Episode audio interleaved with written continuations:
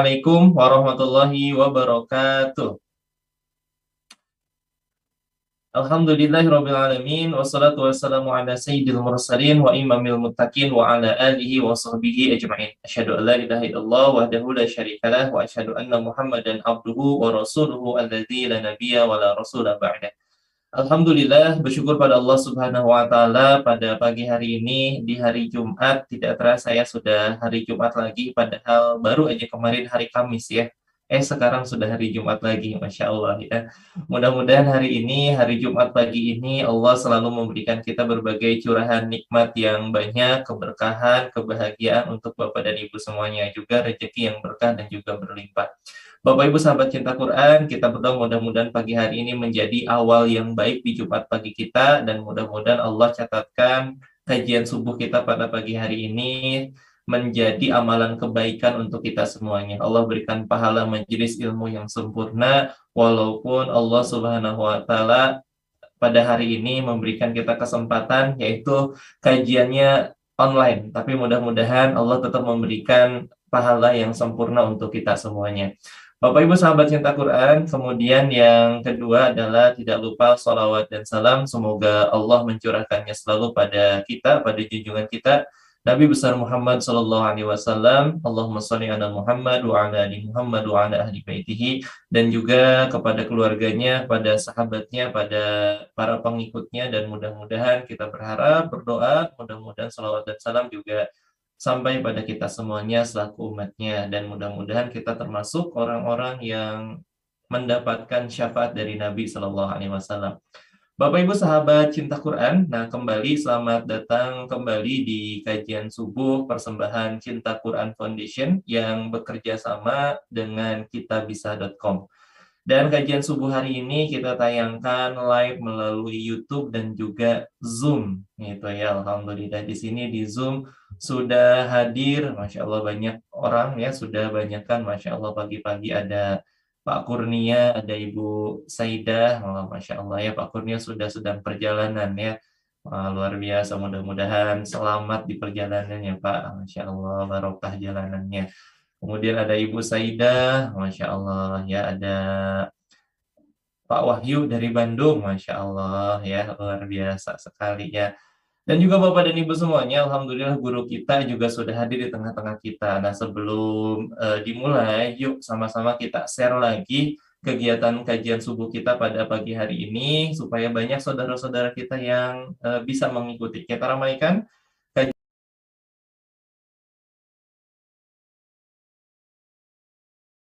melalui sosial media, grup-grup WhatsApp-nya. Nah, mudah-mudahan ada pahala kebaikan untuk Bapak dan Ibu dari setiap klik sahabat-sahabat kita yang menyaksikan tayangan kita pada pagi hari ini. Dan Bapak dan Ibu semuanya, eh, malam ini adalah malam yang spesial ya. Hari ini adalah hari uh, tanggal 21 Januari. Nah, setiap 21 Januari Cinta Quran dan juga seluruh umat Islam ingin menjadikan hari ini adalah hari buta hapus aksara Quran dunia. Nah, untuk itu Bapak dan Ibu semuanya, malam ini ada acara spesial yang langsung dari Cinta Quran. Nah, tanggal 21 untuk uh, soft launching Quranization, yaitu sebuah gerakan untuk menghapuskan buta aksara Al-Quran. Nah, Bapak Ibu jangan sampai terlewat nih acara malam hari ini ya.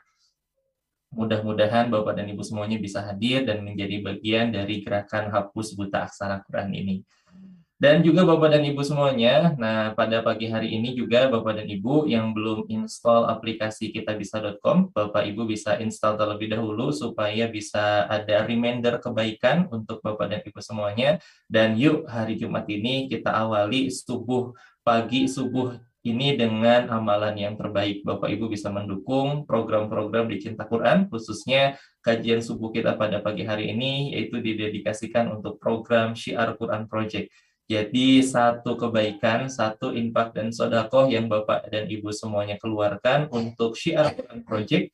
Nah, ini akan mendapatkan banyak pahala kebaikan, termasuk salah satunya adalah penghapusan buta aksara Quran, kemudian sekolah gratis untuk generasi yang tidak mampu, operasional para santri, makan dan minumnya santri cinta Quran yang sedang belajar Quran, dan juga banyak banget program-program cinta Quran lainnya yang didedikasikan untuk program Syiar Quran Project.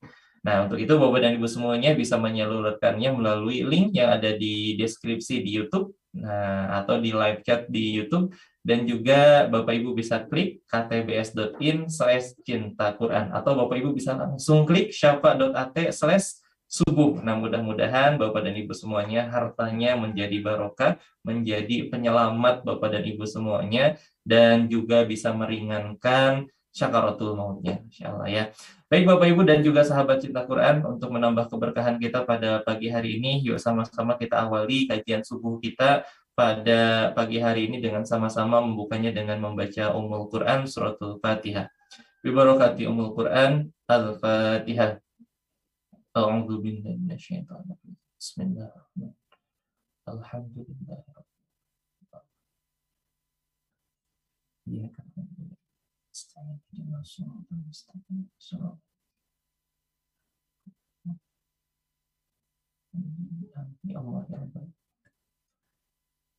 Alhamdulillah Bapak dan Ibu semuanya, guru kita sudah hadir. Pada pagi hari ini kita akan sama-sama uh, mendengar sebuah kisah yang luar biasa uh, orang yang dijamin masuk surga dan termasuk sahabat yang paling dekat dengan Nabi bahkan uh, Allah anugerahkan kesempatan hidupnya bersama Nabi, matinya bersama Nabi, bahkan kuburannya di sebelah Nabi. Dan insya Allah Bapak dan Ibu semuanya, uh, manusia ini adalah manusia yang terbaik yang bisa menjadi pembelajaran untuk kita. Dan mudah-mudahan juga kita uh, termasuk orang-orang yang dianugerahkan sama dengan uh, Abu Bakar As-Siddiq bisa bertemu dengan beliau dan juga berkumpul bersama Nabi dan juga para pejuang Quran lainnya. Untuk itu Bapak dan Ibu semuanya, yuk sama-sama kita simak uh, kajian tausiah subuh yang akan disampaikan oleh guru kita Al Mukarrom uh, Al Ustadz Taufik Al Miftah. Pada Ustadz Taufik Al Miftah, tafadhol Ustaz.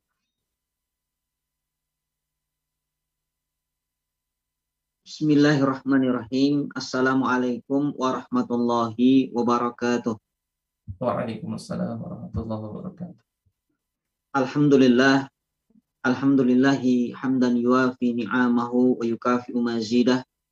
Ashhadu an la ilaha illallah wahdahu la syarikalah. Wa ashhadu anna muhammadan abduhu wa rasuluhu la nabiyya wa la rasula ba'dah.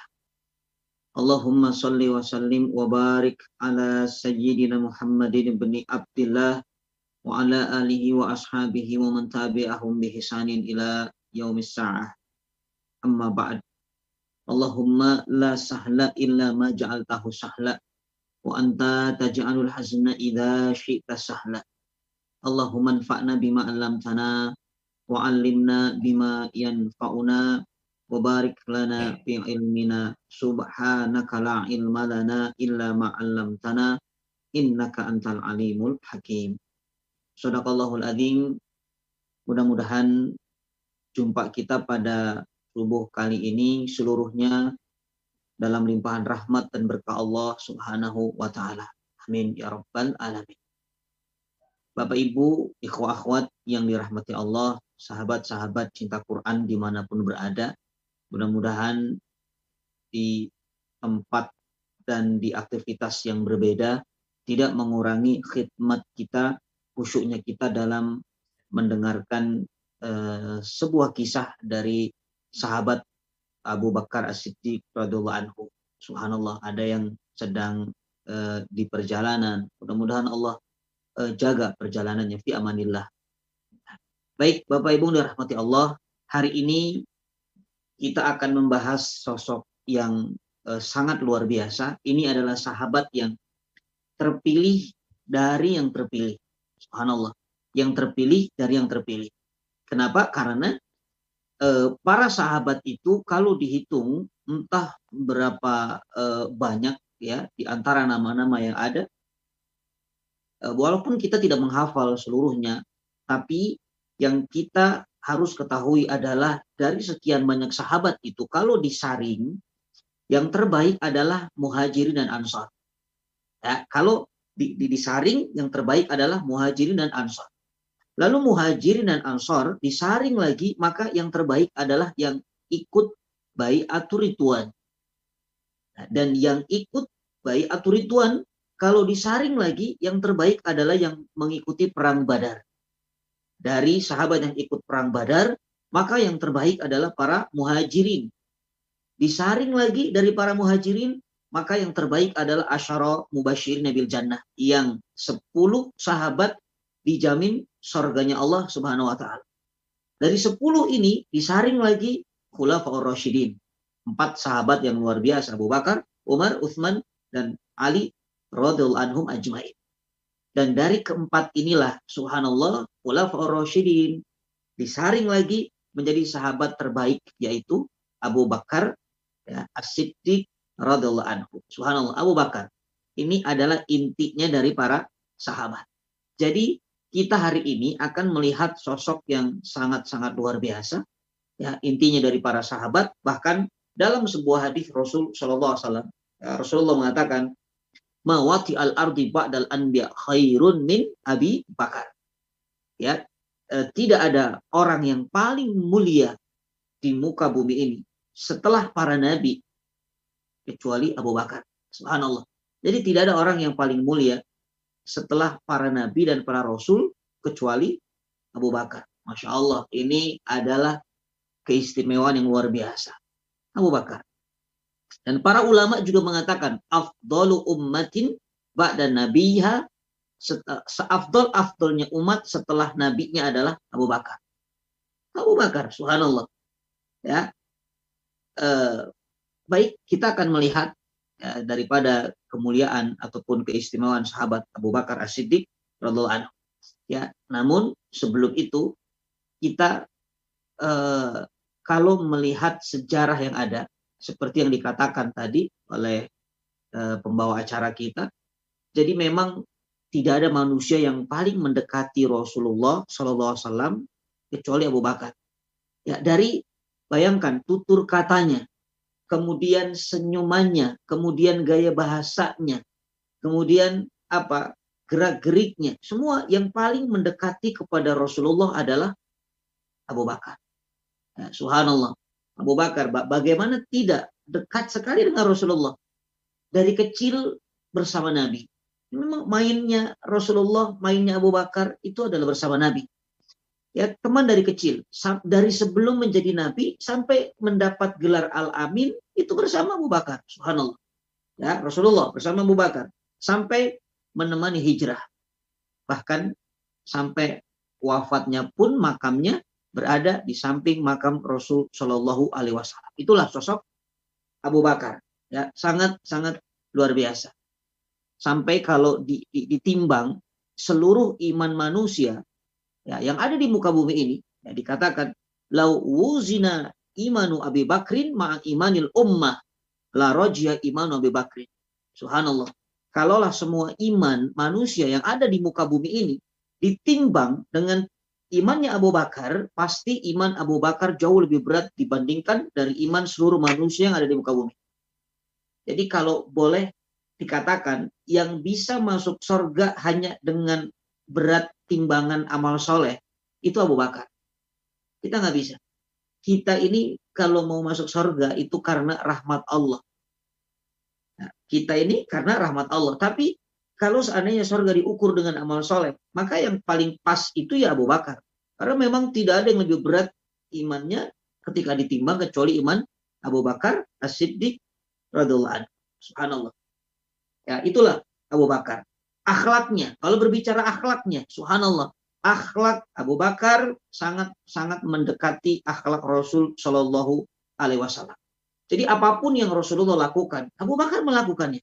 Dan apa pun yang Rasul Shallallahu Alaihi Wasallam tidak melakukannya, Abu Bakar pun tidak melakukan. Bayangkan dari eh, apa gerak geriknya mengikuti Rasulullah.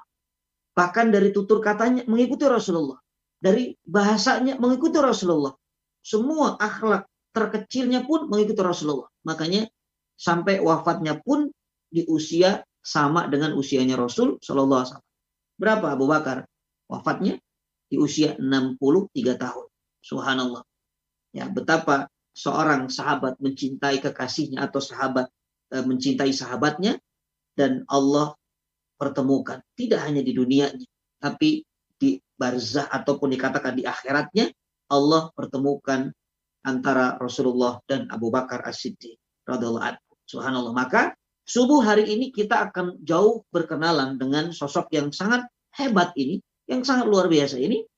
Uh, hari ini kita hanya berkenalan. Tapi subhanallah dengan kita ini berkenalan, suatu saat nanti kita berharap di akhirat kita akan jumpa dengan Abu Bakar As-Siddiq radhiallahu Ya, kenapa?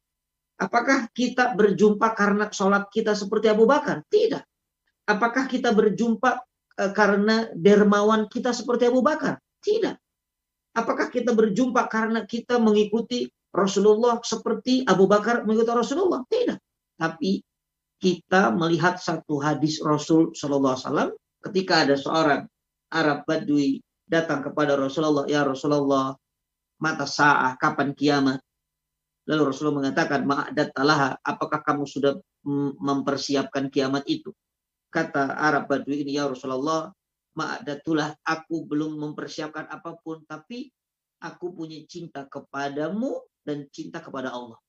Subhanallah. Maka Rasulullah SAW mengatakan, anta ma'aman ahbabta. Kamu akan dikumpulkan bersama dengan siapa yang kamu cintai. Subhanallah. Maka mudah-mudahan dengan wasilah majelis subuh kali ini kita mendengarkan kisah-kisah dari sahabat yang luar biasa ini tumbuh rasa cinta kita semakin cinta lagi sehingga kita berharap dikumpulkan bersama Abu Bakar As-Siddiq radhiyallahu anhu karena rasa cinta yang ada. Subhanallah. Amin. Ya Rabbal alamin. Baik, uh, akhwat filah yang dirahmati Allah, kita akan melihat dari kelahiran dan nasabnya Abu Bakar As-Siddiq radhiallahu Subhanallah. Yang pertama, Abu Bakar As-Siddiq lahir sanatain ya atau dikatakan dua tahun ba'da uh, amul fil. Ya, ada yang mengatakan dua tahun, ada yang mengatakan dua tahun setengah. Ba'da amul fil. Setelah tahun gajah. Ya, kan kita tahu dalam sirah bahwa Rasul Shallallahu Wasallam itu dilahirkan di saat Abroha itu menyerang Ka'bah. Ya, 50 hari lah setelah itu Rasulullah SAW dilahirkan, makanya disebut tahun gajah. Karena ada peristiwa penyerangan e, gajah atau Abroha dan gajahnya menyerang Ka'bah. Dan dua tahun setelah itu Abu Bakar As-Siddiq radhiallahu anhu dilahirkan. Subhanallah. Jadi tidak terlalu jauh dengan Rasulullah usianya hanya ber, berjarak dua tahun dengan Rasul Shallallahu Alaihi Wasallam. Makanya eh, nanti wafatnya pun di usia 63 karena Abu Bakar hanya menjadi khalifah kurang lebih dua setengah tahun. Nah, tidak terlalu lama seperti Umar ibn Khattab radhiallahu. Nah maka dikatakan Abu Bakar ini bersahabat dengan Rasulullah, berteman dengan Rasulullah dari sejak kecil karena usianya tidak terlalu jauh. Nah itulah eh, lahirnya Abu Bakar As-Siddiq radhiallahu anhu.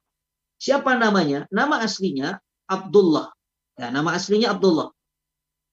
Ya, makanya dikatakan Abdullah, kemudian eh, ada Atiq, ya Atiq, kemudian ada Abu Bakar. Nanti kita akan lihat. Kenapa di, di, diberi nama Atiq? Ya, kenapa juga disebut Abu Bakar? Nah, ini adalah lakop pastinya. Lakop itu nama apa ya? Nama panggilan lah. Ya, nama panggilan. Seperti misalnya eh, saya punya eh, teman dulu di pesantren, dia tukang eh, makan, jadi nggak bisa lihat makanan. Pokoknya santri tahu lah, ya yang pernah nyantri itu. Pokoknya eh, kalau ada teman yang punya makanan dia deket. Nanti kalau teman makanannya habis nih, dia pergi. Ada yang baru lagi, teman dapat paket dia deket lagi. Sampai dijuluki oleh teman-teman itu namanya Abu To'am ya. Makanan itu to'ab abu to'am. Nah maka ini uh, lakop ya ini lakop. Ya nama tempelan saja bukan aslinya. Nah siapa nama aslinya? Subhanallah. Ya nama aslinya adalah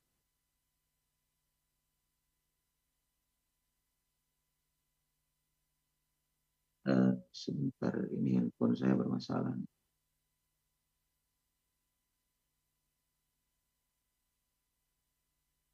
uh, ya Baik, nama aslinya adalah Abdullah.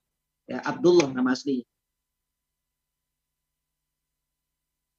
E, nama aslinya Abdullah, bapaknya adalah Utsman. Ya, jadi bapaknya Abu Bakar itu Utsman atau nama panggilannya Abu Kuhafah. Ya, Abu Kuhafah. Jadi nanti kalau baca satu kisah Abu Kuhafah, oh itu adalah ayahnya daripada uh, Abu Bakar. Nah, tapi kalau dilihat dari nasab, ya kalau dilihat dari nasab, um, Afwan, ini masih aman ya suara saya ya? Aman Ustaz. Jelas aman. jelas. Ya, soalnya di sini agak agak berhenti. Baik. Uh, Abu Bakar dan Rasul SAW itu nanti jumpa di satu nasab ya uh, Murrah, satu kakek namanya Murrah. Makanya Rasulullah itu kalau kita lihat nasabnya Muhammad bin Abdullah bin Abdul Muthalib bin Hashim bin Abdul Manaf bin Qusay bin Kilab bin Murrah. Ya, jumpa dengan Abu Bakar. Abu Bakar juga sama. Ternyata kalau dilihat uh, bapaknya adalah Utsman atau Abu Kuhafah, nanti bin Amir ya bin Kaab bin Sa'ad bin Taim makanya ada uh, pernah mendengar kata uh, Abu Bakar Abdullah bin Taim At-Taim ya itu adalah uh, Abu Bakar kemudian bin Murrah nah ketemu di di kakeknya namanya Murrah. Itulah nasab dari Abu Bakar dan Rasul Shallallahu Alaihi Wasallam. Nah bapaknya ini masuk Islam ketika Fatu Makkah. Ya Abu Kuhafa ini masuk Islam ketika Fatu Makkah dalam kondisi buta. Dan paling paling terakhir sekali ketika sudah masuk Rasulullah itu untuk Fatu Mekah baru yang namanya Abu Kuhafa itu ditarik atau dibawa oleh Abu Bakar untuk diislamkan. Sampai Rasulullah SAW mengatakan, ya Abu Bakar, kenapa ayahmu tidak diam di rumah saja? Anak hati, aku yang mendatanginya. Ya Syekh, aku yang mendatanginya. Tapi ya itulah, subhanallah. Betapa cintanya Abu Bakar kepada Rasul SAW. Maka dibawa ayahnya, lalu ayahnya bersyahadat dan masuk Islam di saat Fatu Makkah. Ibunya pun masuk Islam. Jadi ini dikatakan para ulama keluarga yang barokah. Kenapa? Karena semuanya dalam keadaan muslimun. Nah ini keluarganya Abu Bakar As-Siddiq radhiallahu Maka kalau dilihat dari nama aslinya adalah Abdullah, kemudian kita kenal dengan uh, Atiq ya dan kita panggil dengan Abu Bakar. Itu adalah nama lakop. Nah, kemudian kenapa di, disebut Abu Bakar ini juga atik. Nah, ini perkataan para ulama. Ya, atik maknanya adalah uh, lihusni jamali. Karena Abu Bakar itu ternyata dari fisiknya itu gantengnya luar biasa. Ganteng Abu Bakar itu. Makanya uh, sebelum Islam ya di di era atau di di masa jahiliyah atik maknanya adalah karena ganteng dan banyak disukai orang jadi Abu Bakar itu banyak disukai orang karena memang e, pergaulannya luas. Ya, Abu Bakar itu sering melakukan safar yang pergi untuk berdagang ke Syam, kemudian ke mana dan ke mana. Sampai banyak yang suka dengan Abu Bakar. Makanya sebelum Islam atau di masa jahiliyah, atik maknanya adalah dia ini karena memiliki ketampanan atau kegantengan yang yang luar biasa. Yaitu atik. Yang pertama. Lalu setelah Islam, ya setelah Abu Bakar As-Siddiq radhiallahu anhu Islam, dipanggil Atik oleh Rasulullah juga, ya diberikan gelar Atik karena apa? Rasulullah Rasulullah SAW mengatakan, anta atikullahu minanar. Ya Abu Bakar, anta atikullahu minanar. Kamu itu orang yang dibebaskan dari api neraka. Atikullahu minanar. Dibebaskan Allah dari api neraka. Jadi atiknya sebelum Islam bermakna karena kegantengannya dan atiknya sesudah Islam ini karena dibebaskannya dari api neraka. Subhanallah. Ya, itulah gelar atau dikatakan atik. Nah, Abu Bakar ya, namanya Abu Bakar sendiri eh, artinya ya, kalau dikatakan uh, uh, Abu Bakar atau Bakar, Bakar itu para ulama mengatakan fata minal ibil, unta yang masih muda. Subhanallah, dikatakan unta yang masih muda. Kenapa? Karena Abu Bakar itu salah satu karakternya adalah kuat. Kokoh, kemudian dia itu nggak pernah capek dalam mencari nafkah. Karena istrinya empat, Abu Bakar. Subhanallah. Memang Abu Bakar tuh ke mana dan ke mana, safarnya luar biasa, berdagang. Jadi tidak pernah lelah mencari nafkah. Makanya dikatakan unta yang masih muda. Fata minal ibil. Itu bakar. Nah, Siddiq, subhanallah, Siddiq, Siddiq itu jujur. Ya, dan kita tahu dalam sejarah ini sering diungkap oleh para guru kita. Ya, kenapa? Karena Abu Bakar itu salah satu sahabat yang dikatakan paling cepat membenarkan apa yang dibawa oleh Rasulullah. Pokoknya tidak ada keraguan. Ya, persis seperti Khadijah, istri Nabi. Ya, nggak ada keraguan begitu uh, mendapat kabar Rasulullah saat itu pulang dari Isra wal Mi'raj, semua orang uh, ada yang murtad, ada yang semakin kuat keimanan, tapi ada yang menghina Rasulullah, ada yang mencela Rasulullah. Uh, Muhammad sudah gila, masa perjalanan dari dari Mekah kemudian ke Palestina itu butuh waktu berbulan-bulan. Ini hanya satu malam sudah kembali ke sini. Ah, pasti Muhammad itu gila. Itu kata orang-orang yang mendustakan saat itu. Tapi apa kata Abu Bakar? Subhanallah, begitu jumpa dengan Rasulullah, apa dikatakan? Ya Rasulullah, lebih dari ini ceritanya aku percaya. Subhanallah.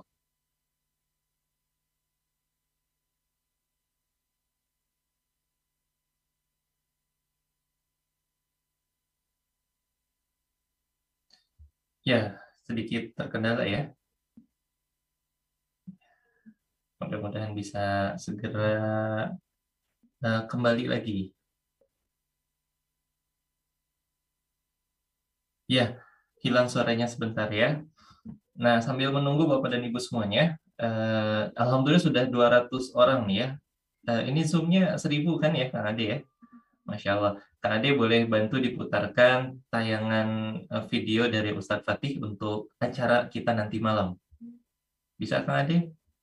Sambil menunggu uh, guru kita keluar dulu. Mudah-mudahan bisa segera masuk lagi ya.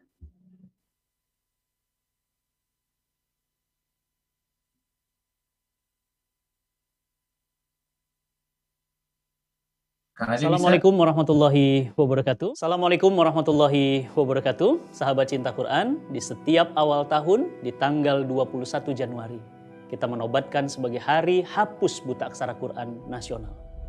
Sebuah hari kepedulian bersama karena lebih dari 58% umat Islam Indonesia tidak bisa baca Quran.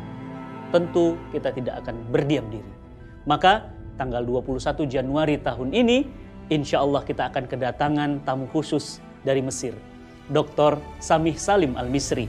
Beliau adalah pewaris sanad Quran dari baginda Nabi SAW tingkat 28. Sahabat semuanya, dan di malam itu pula kita akan menyaksikan pemutaran film dokumenter ekspedisi Gerakan Hapus Buta Aksara Quran di Provinsi Riau. Masya Allah. Maka saya mengajak sahabat semuanya untuk hadir dan menyebarkan informasi ini. Jadilah saksi sejarah akan ketidakrelaan kita. Lebih dari 100 juta saudara kita tidak bisa membaca surat cinta dari Tuhannya. Salam cinta Quran. Assalamualaikum warahmatullahi wabarakatuh.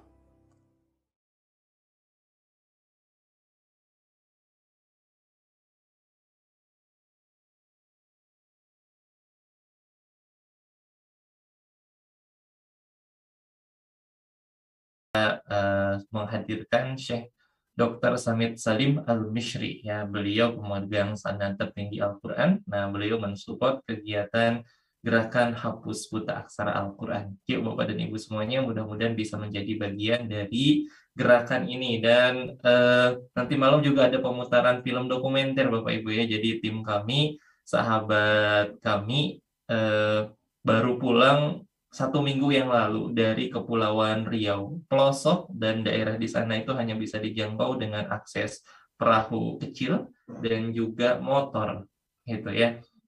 Dan banyak di antara guru-guru kami uh, itu uh, jalan kaki di sana karena saking uh, tidak bisa terjangkaunya dengan kendaraan lain. Nah, untuk itu Bapak dan Ibu semuanya seru banget acara nanti malam. Yuk Eh, kita luangkan. Mudah-mudahan Bapak dan Ibu semuanya bisa hadir ya. Nah, Alhamdulillah sudah hadir kembali. Silahkan, Ustaz. Baik, uh, Afwan ya, ada kesalahan teknis ya tadi ya di sini mungkin ya.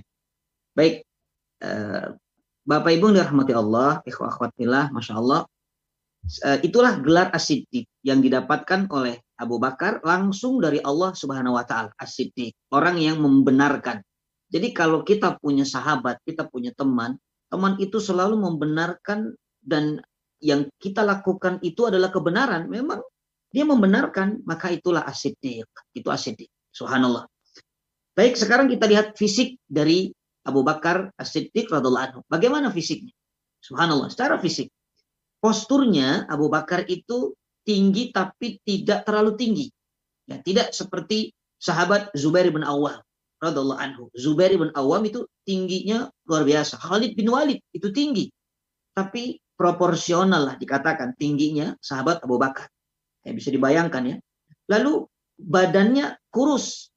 Ya, karena ya memang Abu Bakar itu ke mana-kemana itu lincah ya dalam uh, sejarah makanya uh, memiliki tubuh yang kurus itu memudahkan orang yang kurus itu akan lebih gesit ke mana dan ke mana ya beda dengan orang yang yang uh, mohon maaf berat badannya itu melebihi ya maka akan akan mager lah istilah anak milenial sekarang tuh malas gerak gitu ya. Tapi tidak dengan Abu Bakar subhanallah. Bahkan saking kurusnya dalam uh, riwayat kalau pakai sarung itu terus suka jatuh ke bawah ya. Kalau bahasa kita melorot lah ya.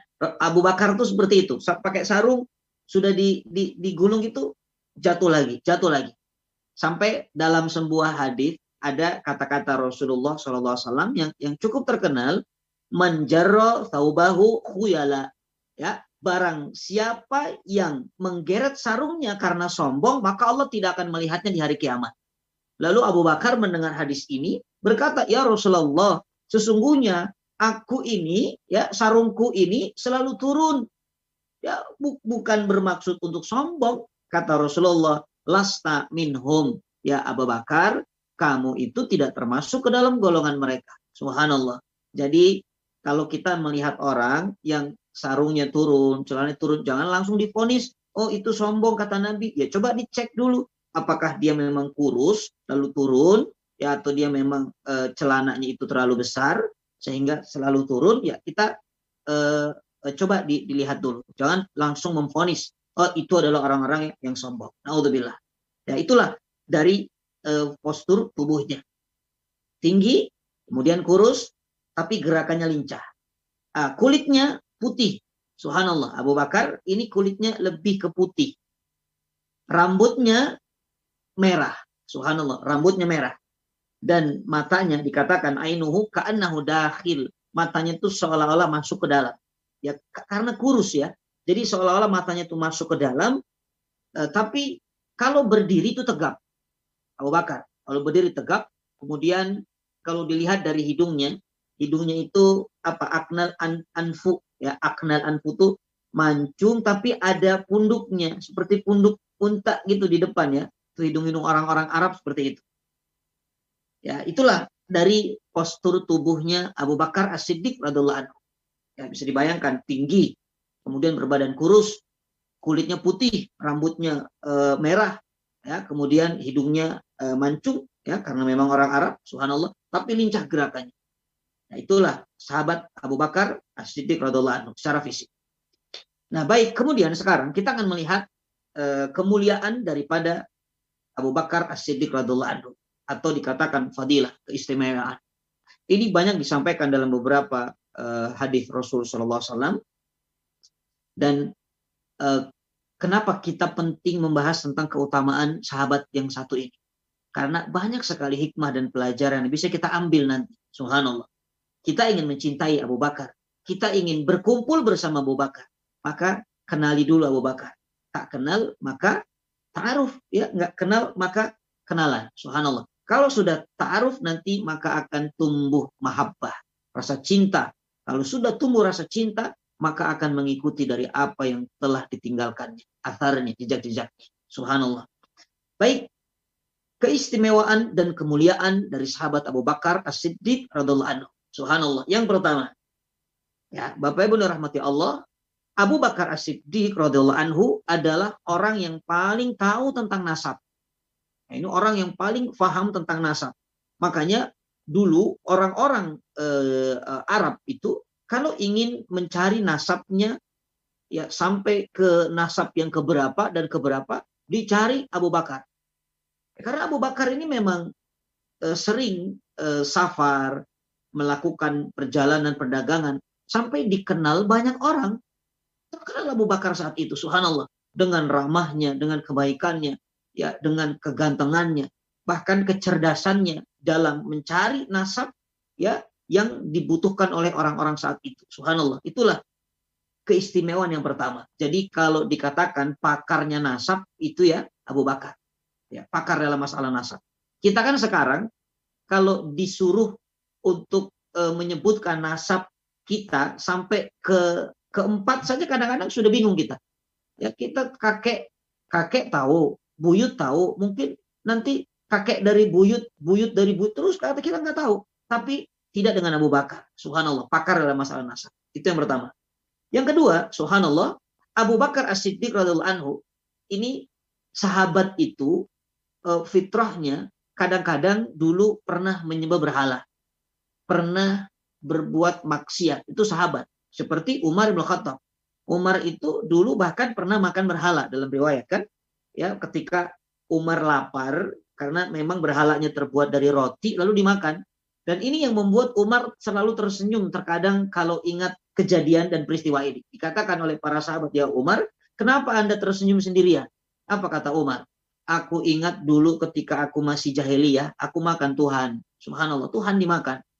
Ya, itulah Umar. Dan Umar juga ketika eh, apa? Sebelum Islamnya, ya Umar pernah berbuat eh, apa kemungkaran. Ya kan? Kita dalam eh, kita tahu dalam riwayat Umar sangat ingin sekali membunuh Rasulullah saat itu. Dan itu fitrahnya para sahabat karena para sahabat itu berbeda dengan Nabi. Kalau Nabi nggak pernah maksiat, Nabi nggak pernah syirik. Dari awal Nabi memang Allah ciptakan ya sebagai orang yang maksum, orang yang dijaga. Tapi kalau sahabat kadang-kadang sahabat melakukan satu kesalahan. Tapi Abu Bakar As-Siddiq radhiallahu anhu ini unik. Abu Bakar la budu asnaman. Tidak pernah yang namanya menyembah berhala. Gak pernah Abu Bakar itu menyembah berhala. Walaupun saat itu di Mekah dalam riwayat terkumpul 300 lebih berhala. Karena ulahnya dari Amrun bin Luhai saat itu kan. Membawa berhala, awalnya Hubal, lalu dikumpulkan sampai terkumpul 300 berhala. Tapi Abu Bakar tidak pernah sedikit pun menyembah berhala. Itulah kecerdasan Abu Bakar. Bahkan ketika Abu Bakar itu ditantang oleh bapaknya Abu Kuhafa. Ya masih ingat kan? Abu Kuhafa itu Abu, Abu Kuhafa bertanya, ya Abu Bakar, eh, kenapa kamu tidak tidak menyembah Lat, tidak menyembah Uzza? Ya, ada nama berhala Lata dan Uzza. Kenapa tidak menyembah Lat? Lalu kata uh, Abu Bakar, ya uh, Abu Kuhafa, ya atau dikatakan wahai bapak, uh, memang Lat itu siapa? Itu kata Abu Bakar. Bertanya balik kepada ayahnya. Lalu ayahnya mengatakan Lat itu adalah bintullah. Lat itu anak perempuannya Allah. Lat itu anak perempuan Allah. Lalu kata uh, Abu Bakar, kalau memang Lat itu adalah anaknya Allah, siapa ibunya? Subhanallah. Lalu tidak bisa menjawab Abu Kuhafa. Ya, tidak bisa menjawab. Kenapa? Karena pertanyaan ini membuat Abu Kuhafa ini bingung ya dan diam. Oh iya ya, kalau memang itu anak Allah, siapa ibunya? Subhanallah. Cerdas Abu Bakar. Ya, bahkan dibuktikan lagi bahwa berhala itu tidak bisa berbuat apa pun. Ya, suatu hari Abu Bakar itu datang kepada berhala itu, kepada Lats itu, lalu mengatakan, Ya Lats, ini atas tua tuh. Ya kuntu atishan wa kuntu ja'ian. Ya Lats, aku ini haus dan aku ini lapar. Coba berikan aku ini minuman dan berikan aku makanan. Subhanallah. Lalu Lats itu diam saja tidak memberi apa pun. Lalu Abu Bakar pun mengatakan, aku butuh pakaian sekarang, beri aku pakaian. Lats ini diam, tidak bisa bergerak dan tidak bisa memberikan apa pun. Subhanallah. Maka di sinilah Abu Bakar As-Siddiq radhiallahu anhu mendapat, mendapatkan gelar ya sebutan karomahullahu wajah. Ya, pernah dengar kan? Sahabat-sahabat yang mendapat julukan karomahullahu wajah ada Abu Bakar As-Siddiq radhiallahu ada uh, Uthman bin Affan radhiallahu ada Ali bin Abi Thalib radhiallahu Jadi tiga sahabat ini karena apa? Karena memang cerdas dan memang tidak pernah menyembah berhala. Dikatakan karamallahu wajah. Subhanallah. Itu kemuliaan yang kedua. tidak pernah menyembah berhala. Yang ketiga, subhanallah, Abu Bakar tidak pernah minum khamar. Tidak pernah minum khamar. Walaupun dulu di zaman jahiliyah itu apa? Khamar itu menjadi minuman yang yang yang uh, dikatakan paling keren lah di zaman itu. Minuman bergengsi lah saat itu. Subhanallah. Jadi Abu Bakar tahu bahkan ketika ada orang minum khamar, apa dia bilang? Hei kalian yang minum khamar, minuman itu kan bisa menghilangkan akal. Minuman itu kan bisa apa? merusak daripada akal, menghilangkan kesadaran. Tinggalkan khamar itu. Tahu Abu Bakar. Ini kecerdasan yang luar biasa. Abu Bakar. Ya mungkin para sahabat yang lain ada yang pernah minum khamar, tapi tidak dengan Abu Bakar. Subhanallah. Itu yang ketiga. Kemuliaan yang keempat. Subhanallah.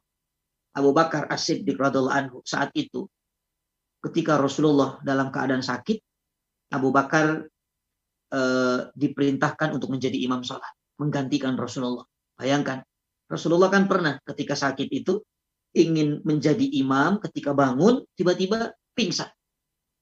Lalu sadar, begitu sadar, subuh yang ma'ul barda, minta diberikan air, dibasuh lagi, kemudian bangun lagi, pingsan lagi. Lalu bertanya, e, apakah manusia sudah sholat? Kata Aisyah, belum ya Rasulullah. Subuh alaih ma'ul barda. Ambilkan aku air. Basuh lagi. Bangun ingin menjadi imam, pingsan lagi. Subhanallah. Sampai akhirnya Rasulullah mengatakan, Muru Abu Bakrin liu solian nas. Ya, suruh Abu Bakar untuk menjadi imam. Menggantikanku ya uh, untuk menjadi imam sholat. Subhanallah. Dan ini isyarat bahwa nanti ketika Rasulullah SAW wafat, yang melanjutkan tongkat estafet dakwahnya adalah Abu Bakar. Makanya Abu Bakar khalifatul ula, khalifah pertama. Subhanallah. Ya, jadi ini adalah e, keutamaan daripada Abu Bakar. Makanya kalau ada orang yang mengatakan Abu Bakar itu kafir, naudzubillah. Bagaimana mungkin Abu Bakar itu dikatakan kafir ya sementara menjadi imamnya umat muslimin saat itu. Ya, menjadi imam ketika Rasulullah sakit digantikan oleh Abu Bakar As-Siddiq radhiallahu anhu. Itu yang keempat. Kemudian yang kelima, subhanallah. Abu Bakar. Ya, Abu Bakar ini bersedekah di awal Islam. Bayangkan, orang yang sangat dermawan. Bersedekah di awal Islam, subhanallah, dan sedekahnya Abu Bakar ini sedekah yang paling bermanfaat. Ini kata Rasulullah Shallallahu Alaihi Wasallam. Paling bermanfaat. Apa kata Nabi? Ma nafa'ani malun qat Abi Bakri. Subhanallah. Tidak ada harta yang bermanfaat ya sama sekali seperti hartanya Abu Bakar kepadaku.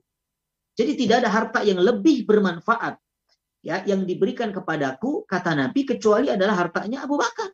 Karena memang saat itu di zaman dakwah Islam pertama-tama itu bagaimana Khadijah istri Nabi itu adalah apa uh, uh, menjadi wanita yang pertama kali muslimah, lalu pertama kali men mendermawankan hartanya di jalan Allah.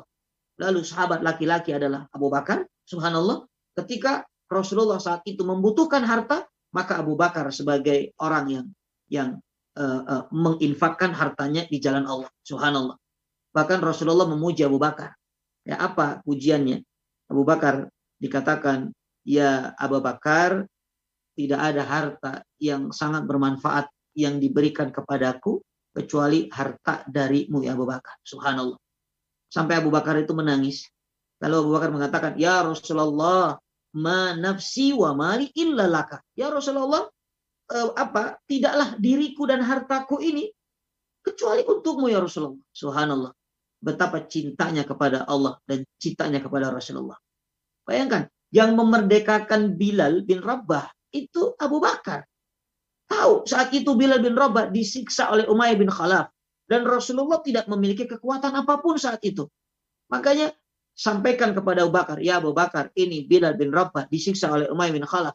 Maka dibebaskan oleh Abu Bakar. Bukan hanya uh, Bilal bin Rabah.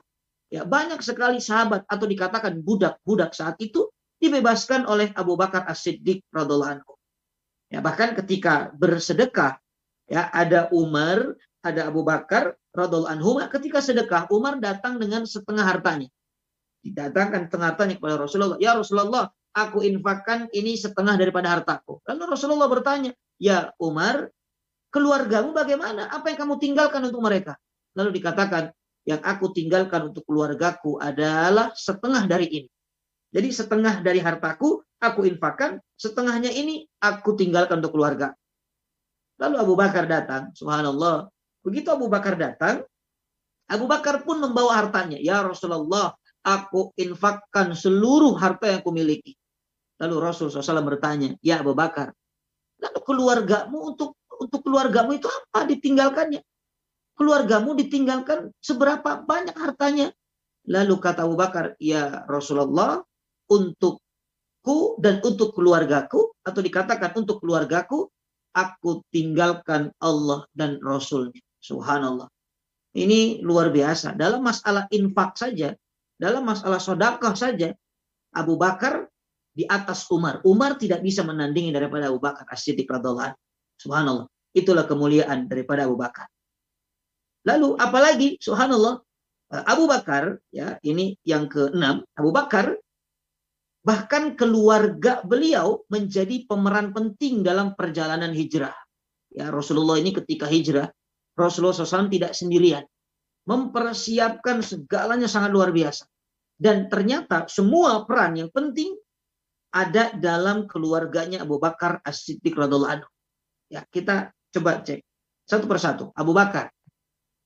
Yang mempersiapkan untanya Nabi siapa? Abu Bakar. Subhanallah. Memberi makan. Abu Bakar. Bahkan menemani dalam perjalanan maut. Ya, hijrah itu disebut dengan perjalanan maut. Kenapa? Karena ketika Abu Bakar dan Rasul SAW keluar dari Mekah, orang-orang Mekah mengadakan sayembara. Apa sayembaranya? manjaa bi Muhammadin falahu mi'atu naqqah. Ya, manjaa bi Muhammadin falahu mi'atu naqqah. Siapa yang bisa mendatangkan kepalanya Muhammad dalam keadaan hidup ataupun mati, maka akan mendapatkan 100 ekor unta. Subhanallah, itu tidak sedikit saat itu. Makanya dikatakan ini perjalanan maut. Ya, ini perjalanan maut. Siapa yang menemaninya? Abu Bakar. Subhanallah. Bahkan masuk ke dalam Jabal Tur, ya, ke dalam goa sur itu, Allah abadikan di dalam Al-Quran. Ini percakapan dua sahabat yang luar biasa ini. Ya, percakapan uh, Rasul dan Abu Bakar. Ya, dalam surat Taubah Allah mengatakan apa? A'udzu billahi minasyaitonir rajim. Fanithnaini idhuma fil ghar id yaqul li sahibihi la tahzan innallaha ma'ana. Subhanallah. Jadi uh, dua orang ini yang berada di dalam goa Ya, salah satunya menenangkan sahabatnya lalu mengatakan la tahzan innallaha ma'ana. Jangan sedih. Sesungguhnya Allah bersama kita. Ini kata-kata kita sering dengar dan kita mungkin sering ungkapkan kepada sahabat-sahabat kita, kepada anak-anak kita. La tahzan, la tahzan. Bahkan agak ada satu buku, ya, nama bukunya La tahzan. Ya, jangan sedih, subhanallah. Kenapa? Allah bersama kita. Wah ini motivasi yang luar biasa. Jangan sedih, Allah bersama kita. Subhanallah. Makanya para eh, pecinta Quran, para santri yang ada, jangan sedih, Allah bersama kita. Subhanallah. Dan apa kata Nabi saat itu? Rasulullah mengatakan, ya eh, apa Abu Bakar maksudnya Abu Bakar dalam keadaan ketakutan.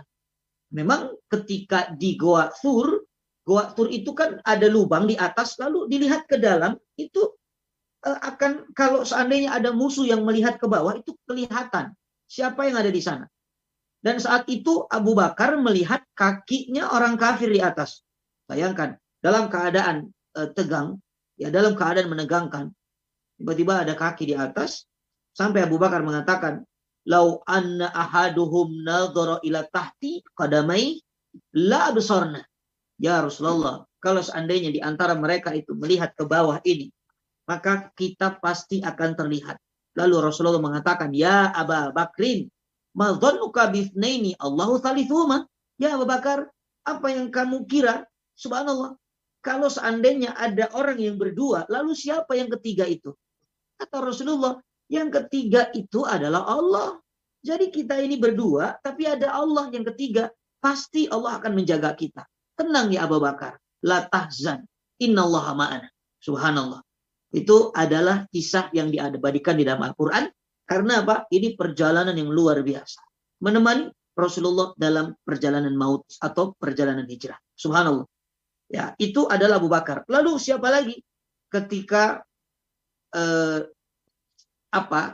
Ada seorang namanya Amir bin Fuhairah. Amir bin Fuhairah ini adalah sosok seorang budak yang dibebaskan oleh Abu Bakar As-Siddiq radhiallahu dan bertugas menggembala kambing, menghilangkan jejak. Subhanallah karena perjalanan Rasulullah itu pasti meninggalkan jejak apalagi di padang pasir. Ya kan? Kakinya, untanya ada jejaknya. Makanya ada menggembala eh, apa penggembala kambing yang ditugaskan oleh Rasulullah untuk menghilangkan jejak. Subhanallah, namanya Amir bin Fuhairah. Ini budak yang dibebaskan Abu Bakar. Subhanallah. Ya, kemudian yang ketiga ada uh, salah satu nama Abdullah bin Abi Bakar. Ini putranya Abu Bakar. Apa tugasnya? Subhanallah. Jadi tugasnya Abdullah bin Abi Bakar ini kalau siang di Mekah untuk menjadi informan saat itu, informan. Kalau siang tuh di Mekah, jasus mata-mata. Kalau malam ya ini berada di mana? Di, di Goa, di Jabal Sur untuk melihat keadaan ketika di Mekah bagaimana nih Abu Jahal, bagaimana nih Abu Lahab. Tapi ketika malam hari subhanallah berada di di Jabal Sur atau di Goa. Kemudian subhanallah eh, ada satu sosok lagi ya yang kita kenal namanya Asma binti Abi Bakar. Ini juga putrinya Abu Bakar. Subhanallah. Bayangkan Asma binti Abu Bakar tugasnya membawa makanan. Itu nggak mudah, teman-teman. Sahabat-sahabat cinta Quran. Bayangkan kalau sekarang yang pernah ke eh, Jabal Tur, itu bagaimana tingginya ke atas. Dan itu sudah di, direnovasi sekarang. Sudah ada jalan. Dulu bagaimana terjalnya itu, tapi yang namanya Asma binti Abi Bakar, subhanallah, naik ke atas. Bahkan dengan mengikat makanan. Makanya para ulama memberikan gelar uh, zatun niqatain. Ya, zatun niqatain itu uh, seorang yang mengikat makanan dengan dua ikatan. Subhanallah, diikat. Itulah uh, peran daripada Asma binti Abi Bakar. Jadi kalau kita perhatikan semua itu tadi, ya Abu Bakar kemudian yang namanya siapa tadi Amir bin Fuhairah, Asma binti Abi Bakar, Ya, semua itu adalah dari keluarganya Abu Bakar As-Siddiq radhiyallahu anhu. Makanya dikatakan ini kemuliaan luar biasa menemani Rasulullah dalam perjalanan maut. Ya, itu kemuliaan Abu Bakar. Ya, kemudian apalagi Abu Bakar ini adalah laki-laki yang pertama kali masuk Islam. Ya, ada tiga saat itu. Ada Abu Bakar, ada Ali bin Abi Thalib, ada Zaid bin Haritha. Zaid bin Haritha ini anak angkatnya Rasulullah. Tapi Ali bin Abi Thalib radhiyallahu anhu, Zaid bin Haritha radhiyallahu anhu ini adalah keluarga dalam maksudnya adalah internalnya Rasulullah, keluarga inti Rasulullah. Ya, yang dari luar itu adalah Abu Bakar. Ya, walaupun uh, ini ada khilaf dari para ulama mana di antara tiga laki-laki ini yang duluan Islam. Tapi ala kulihal yang bagian daripada luar ya atau orang luar bukan keluarga Nabi ini adalah Abu Bakar. Subhanallah. Makanya dikatakan Abu Bakar ini laki-laki yang pertama kali masuk Islam, bahkan nanti akan mengislamkan banyak para sahabat Rasulullah melalui wasilahnya Abu Bakar As-Siddiq radhiallahu Subhanallah. Nah, itulah beberapa kemuliaan sahabat Abu Bakar As-Siddiq radhiallahu Lalu sekarang pertanyaannya sekarang bagaimana Islamnya Abu Bakar? Subhanallah. Ya, bagaimana Islamnya Abu Bakar? Ada uh, tiga orang tokoh yang tidak pernah lepas daripada Islamnya Abu Bakar. Namanya Warakah ibnu Nufail. Ini adalah pamannya Khadijah, pendeta yang dikatakan bertauhid, tidak trinitas, tapi dia ini bertauhid. Lalu ada Zaid bin Amr bin Nufail, ini orang Mekah. Dan ada Umayyah bin Abi Sol. Subhanallah. Tiga orang inilah yang berperan penting dalam apa Islamnya Abu Bakar As-Siddiq radhiallahu anhu. Bagaimana kisahnya? Subhanallah. Jadi yang namanya uh, uh, di, di Mekah itu ya dulu tawaf itu sudah biasa. Makanya Warakah, kemudian Zaid bin Amr, ya mereka berdua ini tawaf. Ya, dan tiba-tiba sedang asik tawaf gitu, ya kemudian uh, dalam uh, obrolannya ya ketika selesai dalam obrolannya berdua ini saling saling membicarakan bahwa nanti menurut uh, kitab ya kitab maksudnya adalah kitab Taurat ataupun Injil saat itu dari pendeta ini akan lahir sebentar lagi akan ada nabi akhir zaman. Subhanallah. Ini mendapat kabar dari obrolan dua orang ini. Abu Bakar mendengar itu, subhanallah. Lalu Abu Bakar mengatakan, "Ya Rab, sebentar lagi aku rindu dengan sosok itu." Sudah merindukan daripada sosok nabi akhir zaman. Sebentar lagi akan ada nabi akhir zaman. Subhanallah. Dan Abu Bakar ketika mendengar uh, percakapan itu lalu mengatakan, "Ya Allah, mudah-mudahan aku jadi temannya." Nah, itu doanya Abu Bakar. Ingat kata-kata ini. Mudah-mudahan aku jadi temannya. Nah, itu kisah yang pertama. Ya, saya singkat kisahnya. Kemudian saat berdagang eh, menuju satu tempat ya, misalnya kadang-kadang eh, berdagang ke ke mana? Ke Syam, kemudian kadang-kadang ke Yaman, ya Abu Bakar, subhanallah. Dan saat itu jumpa dengan salah satu syekh namanya Bani Sa'ad. Ya, syekhnya namanya Bani, Bani Sa'ad. Ketika berkenalan, lalu eh, Bani Sa'ad ini orang yang dikatakan fakih tentang masalah Injil dan Taurat. Ya, dia faham cerita ini, subhanallah. Dia faham cerita ini, lalu terjadilah percakapan. Nah, eh, apa percakapannya? Dari syekh ini mengatakan, kalau tidak salah kami yakin ya dari bangsa Arab itu nanti akan lahir seorang nabi, akan muncul, subhanallah. Karena tahu Abu Bakar dari Arab. Setelah ber, eh, apa, berbicara berdua, kamu dari mana? Aku dari Arab. Lalu Syekh itu mengatakan kemungkinan nanti akan muncul dalam tahun ini. Ya, nabi dari Arab. Subhanallah. Maka doanya pun sama. Ya Allah, mudah-mudahan aku menjadi temannya. Subhanallah. Sudah dua kali doa ini. Lalu dalam riwayat lain dikatakan, Abu Bakar bermimpi. Mimpinya itu ro'al badar, melihat cahaya. Ya, melihat cahaya bulan purnama, badar itu bulan purnama. Lalu Abu Bakar memperhatikan bulan itu turun, sangat indah sekali. Turun sampai apa? Sampai jatuh ke Ka'bah. Lalu terbelah. Ya, bulan itu pecah dan bulan itu subhanallah berada di pangkuannya. Subhanallah, ini luar biasa. Makanya nanti ketika berada di Goa Thur, Abu Bakar itu Rasulullah tertidur kan? Ngantuk Rasulullah bersandar di bahunya Abu Bakar lalu sampai Rasulullah jatuh ke pangkuan Abu Bakar. Abu Bakar sadar ya Rob inilah mimpiku dulu. Subhanallah. Jadi ternyata rembulan yang ada di pangkuannya itulah Rasulullah ya makanya ketika Rasulullah datang ke Madinah itu eh, disambut dengan kata-kata qala al badru alaina subhanallah telah terbit ya telah muncul Badar atau dikatakan purnama. Subhanallah. Lalu mimpinya itu apa? Disampaikanlah kepada seorang pendeta, seorang ahli kitab. Maka jawaban dari ahli kitab ini pun sama dengan jawaban Syekh Bani Asad yang jumpa dengan Abu Bakar. Apa jawabannya? Subhanallah. Kalau tidak salah, yang kami yakini dari bangsa Arablah akan datang seorang nabi. Dan kemungkinan akan muncul dalam tahun ini. Lalu doanya pun sama. Ya Allah, mudah-mudahan aku menjadi teman. Subhanallah. Itulah e, beberapa kisah ya sebelum Abu Bakar As-Siddiq ini masuk ke dalam Islam. Dan Abu Bakar saat itu masih berada di luar kota Mekah. Masih berdagang, ya. Tiba-tiba di di Mekah itu sudah heboh. Di Mekah sudah terdengar kabar ya bahwa apa? Ada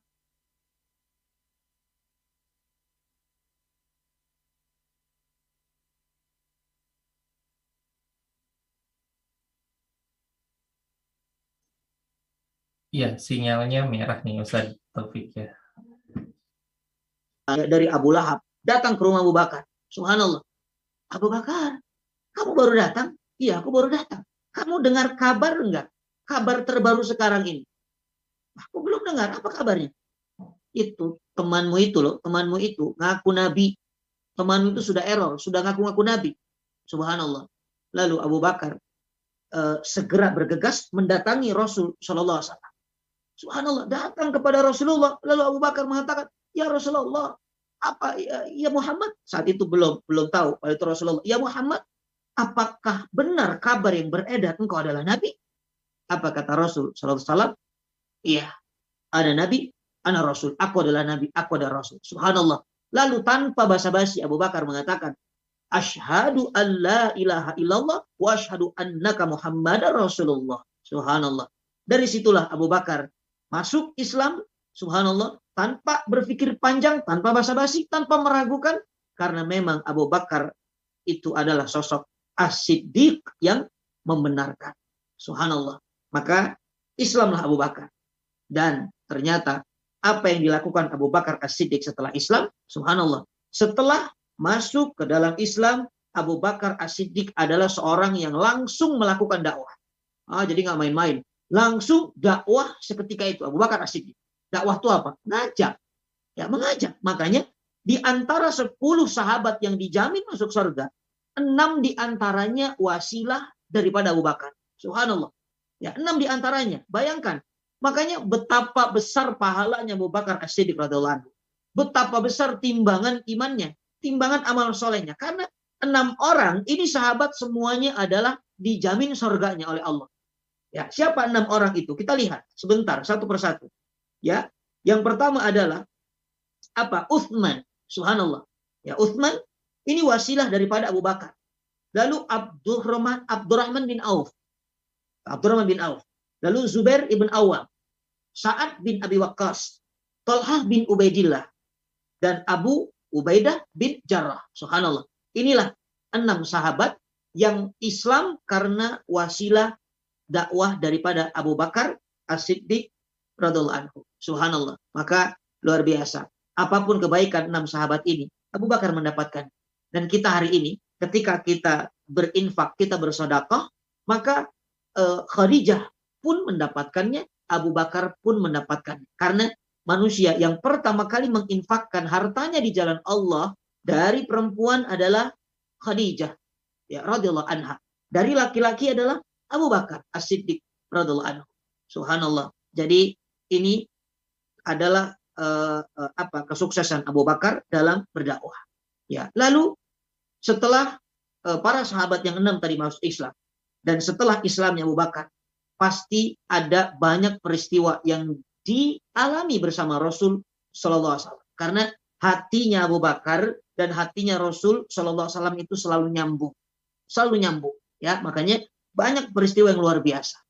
Ya, apa peristiwa yang terjadi ya setelah Abu Bakar ini Islam lalu berdakwah bersama Rasul Shallallahu Alaihi Wasallam, maka insya Allah ini akan dilanjutkan di pertemuan kedua karena ini memang kisah yang cukup panjang, tidak selesai untuk satu kali pertemuan. Maka mudah-mudahan kita bisa melanjutkan nanti di uh, uh, apa kisah kemuliaan Abu Bakar ini di episode kedua ya bagian uh, dakwahnya Abu Bakar bersama Rasul Wasallam dan banyak peristiwa yang dilaluinya. Ya, di antaranya ada bagaimana perjalanan sebelum hijrah, bagaimana nanti ketika ada di satu tempat uh, namanya tempat uh, apa persembunyian di Gua ada kejadian luar biasa. Bagaimana ketika nanti istirahat di tempat Umi Makbud atau Umi Mu'bid dan bagaimana wafatnya Abu Bakar As-Siddiq radhiyallahu anhu insyaallah di pertemuan yang akan datang. Mudah-mudahan dari apa yang disampaikan ini bermanfaat karena mungkin banyak yang ingin aktivitas jadi eh, kita tutup ya eh, untuk pertemuan pertama ini. Jazakumullah khair. Saya serahkan kepada eh, Akina eh, Fulan ya pembawa acara ini. Subhanallah. Wallahu yubariku fiqh. Amin ya Allah. Baik, Alhamdulillah, Masya Allah ya, uh, dengan semangat banget ya memang subuh-subuh kalau dengerin cerita uh, layu itu ya, wah, kebawa ngantuknya, tapi Masya Allah ya Ustaz Taufik, membawakan dengan semangat gitu ya sehingga uh, mudah-mudahan kita bisa terjaga untuk menyaksikan terus kisahnya Abu Bakar Masya Allah. Ini belum beres Ustaz ya. Belum ya. karena kita bertahun-tahun ya diceritakan dalam waktu satu jam. Kayaknya kurang ya. Masya iya, Allah. Ya, betul, betul. Baik Bapak Ibu yang ingin bertanya terkait dengan bagaimana kisahnya Abu Bakar. Nah silahkan Bapak dan Ibu semuanya atau bertanya apa pun nanti insya Allah bisa dijawab uh, oleh Ustaz Topik yang berhubungan dengan sirah sahabat Nah, sebelum itu Bapak dan Ibu semuanya yang sedang beraktivitas, mudah-mudahan aktivitasnya hari ini lancar, yang sedang di perjalanan, mudah-mudahan perjalanannya juga uh, lancar, dijaga Allah Subhanahu wa taala sampai uh, kembali ke tempat tujuan. Nah, Bapak Ibu dan juga sahabat semuanya bisa mendukung kajian-kajian di Cinta Quran dan juga program-program di Cinta Quran dalam program Syiar Quran Project. Nah, Bapak Ibu bisa klik ktbs.in atau slash slash Cinta Quran atau siapa.at slash subuh. Dan Bapak dan Ibu semuanya jangan lupa nanti malam ada event yang luar biasa, pemutaran film dokumenter. Bapak Ibu nanti akan tahu nih program-program Indonesia bisa baca Quran yang diselenggarakan oleh Cinta Quran sampai ke pelosok itu seperti apa itu ya. Dana yang dititipkan Bapak Ibu untuk pemberantasan hapus buta aksara Quran itu seperti apa penyalurannya? Nanti malam Bapak Ibu semuanya nonton gitu ya. Tadi spoiler kemarin itu saya diceritain spoilernya sama Ustaz Fatih gitu ya jadi asatid yang dikirim ke sana tuh sampai mengorbankan nyawa bahkan pesan Ustaz Fatih sama yang pegang kamera itu seandainya suatu ketika sulit gitu ya tinggalkan kameranya nggak apa-apa nah jadi memang perjalanannya benar-benar ekstrim gitu ya Nah, baik Bapak dan Ibu silahkan yang ingin bertanya. Jika tidak ada yang bertanya, karena hari Jumat ini masih banyak yang beraktivitas, nah kita akan sama-sama tutup kegiatan ini dengan uh, berdoa bersama-sama. Mudah-mudahan Ustaz doakan kita mudah-mudahan dianugerahkan rezeki seperti Abu Bakar, bisa bertetangga dengan Nabi. Kita tidak bisa di dunia, mudah-mudahan di akhirat Ustaz. Apa doa Ustaz?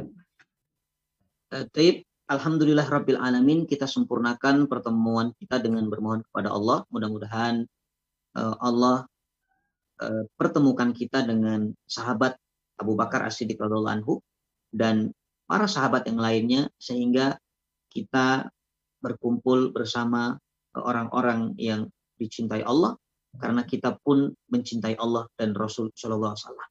Dan semoga majelis kita ini senantiasa dalam limpahan rahmat dan berkah Allah Subhanahu wa taala dan untuk uh, majelis cinta Quran khususnya semoga uh, semua keluarga besar cinta Quran Allah jaga, Allah berikan kesehatan, Allah berikan keistiqomahan dan kita doakan khusus untuk guru kita semua seperti Karim semoga Allah panjangkan usianya dalam ketaatan kepada Allah Subhanahu wa taala diberikan keluarganya uh, sakinah mawaddah warahmah keturunannya menjadi anak-anak yang qurrata ayun soleh dan soleh amin ya rabbal alamin Astaghfirullahaladzim, astaghfirullahaladzim, astaghfirullahaladzim. Na'udhu billahi minasyaitonir rajim. Bismillahirrahmanirrahim.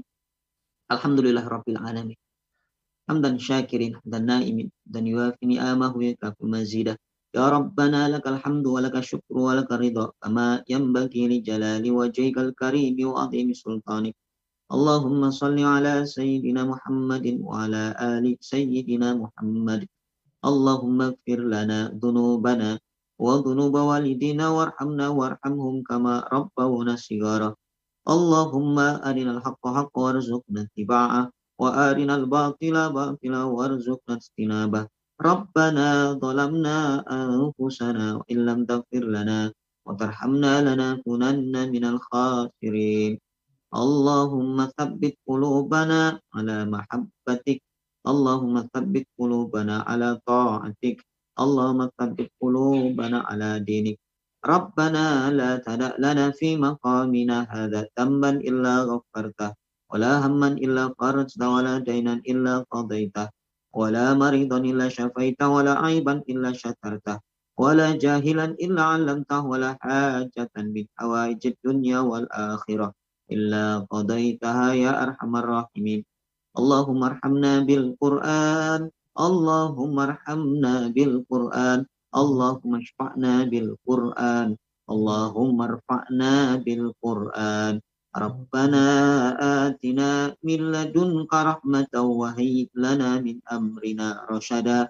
ربنا تقبل منا إنك أنت السميع العليم. وتب علينا إنك أنت التواب الرحيم. ربنا آتنا في الدنيا حسنة وفي الآخرة حسنة وقنا عذاب النار. وادخل الجنة مع الأبرار يا عزيز يا غفار يا رب العالمين. bifatika subhana rabbika rabbil izzati amma yasifun wa salamun alal mursalin walhamdulillahi rabbil alamin. Ya ya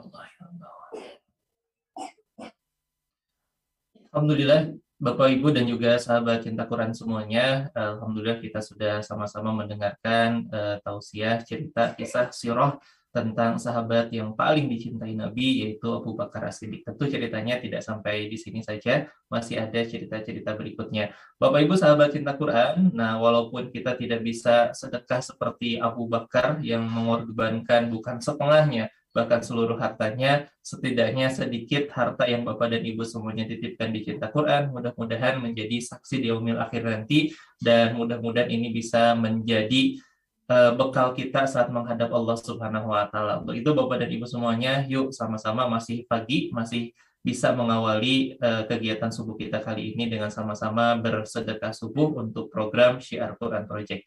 Nah, Bapak Ibu bisa menunaikan sedekah subuh melalui kanal Cinta Quran untuk program uh, Syiar Quran Project. Yaitu Bapak Ibu bisa klik syapa.at slash subuh untuk program Syiar Quran Project dan mudah-mudahan menjadi uh, amal kebaikan mengawali hari Jumat ini keberkahan untuk Bapak dan Ibu semuanya hingga kita bertemu dengan Jumat yang akan datang. Jazakallah khairan, Ustaz Taufik Al-Miftah. Mudah-mudahan uh, Allah Subhanahu wa taala mempertemukan kita. Bapak Ibu kita doakan guru mudah-mudahan selalu Allah berikan kesehatan, umur yang panjang dan juga uh, usia yang barokah sehingga kita bisa bertemu lagi belajar kembali dari beliau. Bapak Ibu sahabat cinta Quran, kita sempurnakan kajian subuh kita pada pagi hari ini dengan doa kafaratul majlis. Subhanaka Allahumma bihamdika asyhadu an la ilaha illa anta astaghfiruka wa atubu ilaik. Jazakallah khairan Ustaz Taufik dan juga Bapak dan Ibu semuanya. Saya Abdullah Ramli mewakili seluruh kru dari Cinta Quran dan juga kitabisa.com. Apabila ada kekurangan, kesalahan, mohon dimaafkan. Selamat melakukan aktivitas di hari Jumat ini Bapak dan Ibu semuanya. Bila itu wal hidayah. Wassalamualaikum warahmatullahi wabarakatuh.